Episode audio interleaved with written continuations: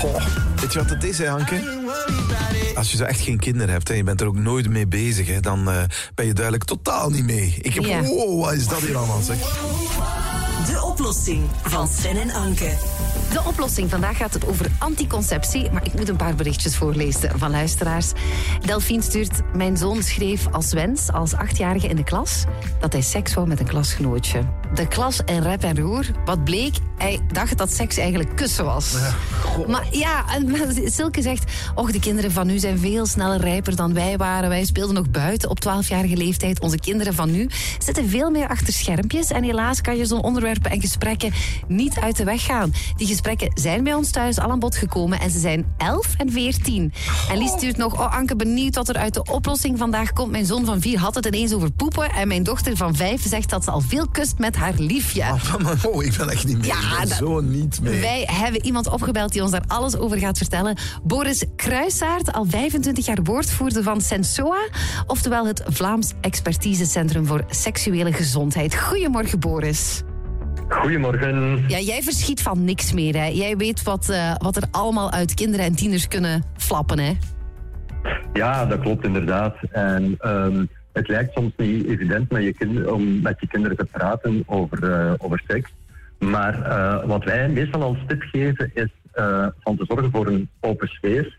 En de luisteraars hebben daar al goede voorbeelden van gegeven. Namelijk dat kinderen weten dat ze op elk moment met vragen over seks bij jou terecht kunnen. En dat je nooit zegt tegen je kinderen, oh, daar ben je nog iets te jong voor. Oké. Eh, dat gaan we later wel behandelen. Dus dat is al een eerste tip. Alle vragen van kinderen beantwoorden. Natuurlijk op maat van wat ze al weten en wat ze aan Ja, maar dat vind ik al een hele goeie, want ik doe dat eigenlijk wel. En mijn lief heb ik ook al gemerkt, als, als onze dochter iets vraagt, dan, zeg, dan zeggen wij toch vaak van, dan gaan we je later wel uitleggen. Dus dat is helemaal niet goed, hè. Dat, ik bedoel, wij zeggen altijd, wij zeggen meestal, we gaan het later, we gaan het nu nog niet doen.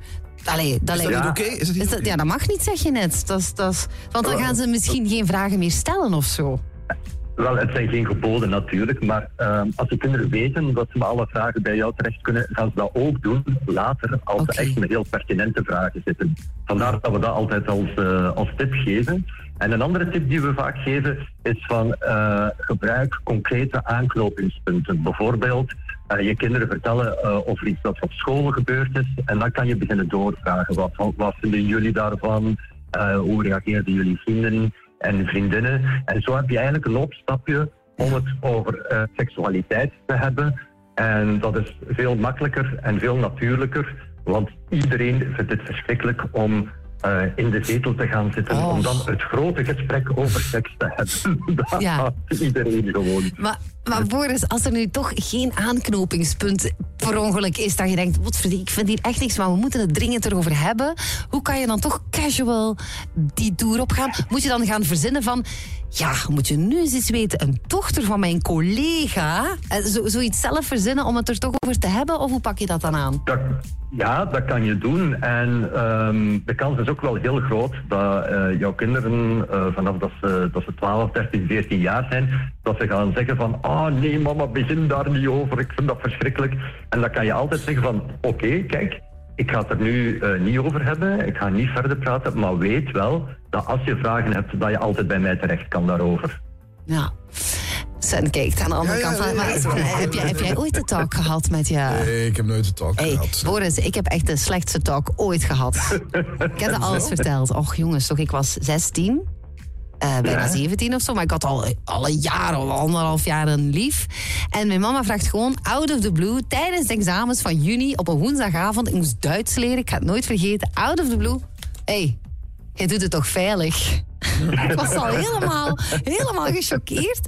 En, en dan, en dan het, het wat ik vroeg was: Mama, hoe lang denk je dat ik heb gewacht voor mijn eerste keer?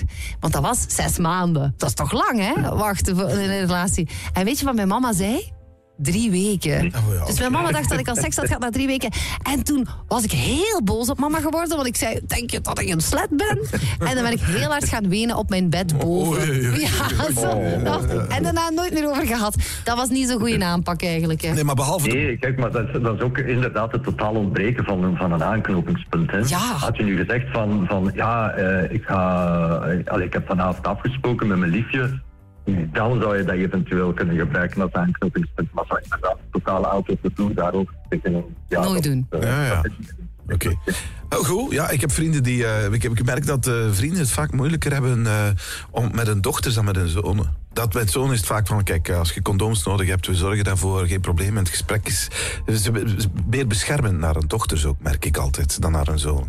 Maar ja, Ja, ja, dat klopt wel ergens. Dat, en dat is ook een beetje jammer, want uiteindelijk uh, anticonceptie en je beschermen tegen seksueel overdraagbare aandoeningen is voor iedereen belangrijk, zowel voor jongens als voor meisjes. En uh, wat wij daar vaak als tip geven, uh, zeker wat condooms betreft, van zorg gewoon ervoor dat een grote pot met condooms ergens in huis staat.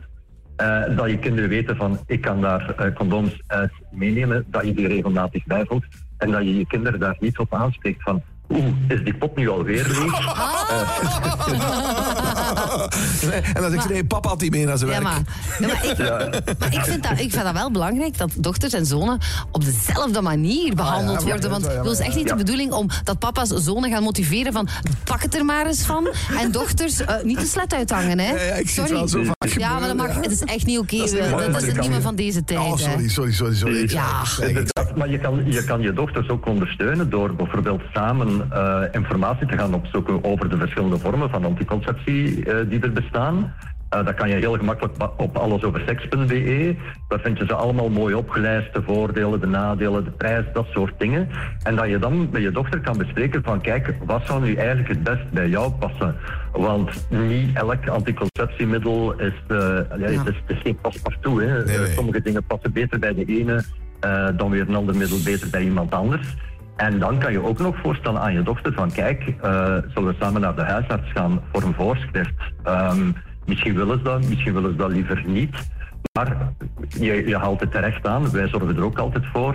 Allee, Of wij zeggen altijd van ja, het is een gedeelde verantwoordelijkheid van zowel jongens Klopt. als meisjes om juist. te zorgen voor een gepaste anticonceptie. Oké, zeg eh, Boris, heel erg bedankt eh, van ehm Sensoa. Ik moet altijd zien dat ik Ja. niet Senseo zeg. Oh jongens, toch. Boris van Sensoa. Dankjewel voor het hele fijne gesprek. En heel veel luisteraars sturen ook nog. Er bestaan zoveel boekjes voor alle leeftijden, waar, die Ja. ook heel eh, laagdrempelig zijn. En want dan beginnen kinderen zelf daarin te bladeren. En zo, komen ze ook wat aan de weet. Dankjewel, Boris. Heel goed uitgelegd. Fijne dag nog. Ja, dankjewel. Tada. De oplossing van Sven en Anke. Good times. She's sweet but a psycho, a little.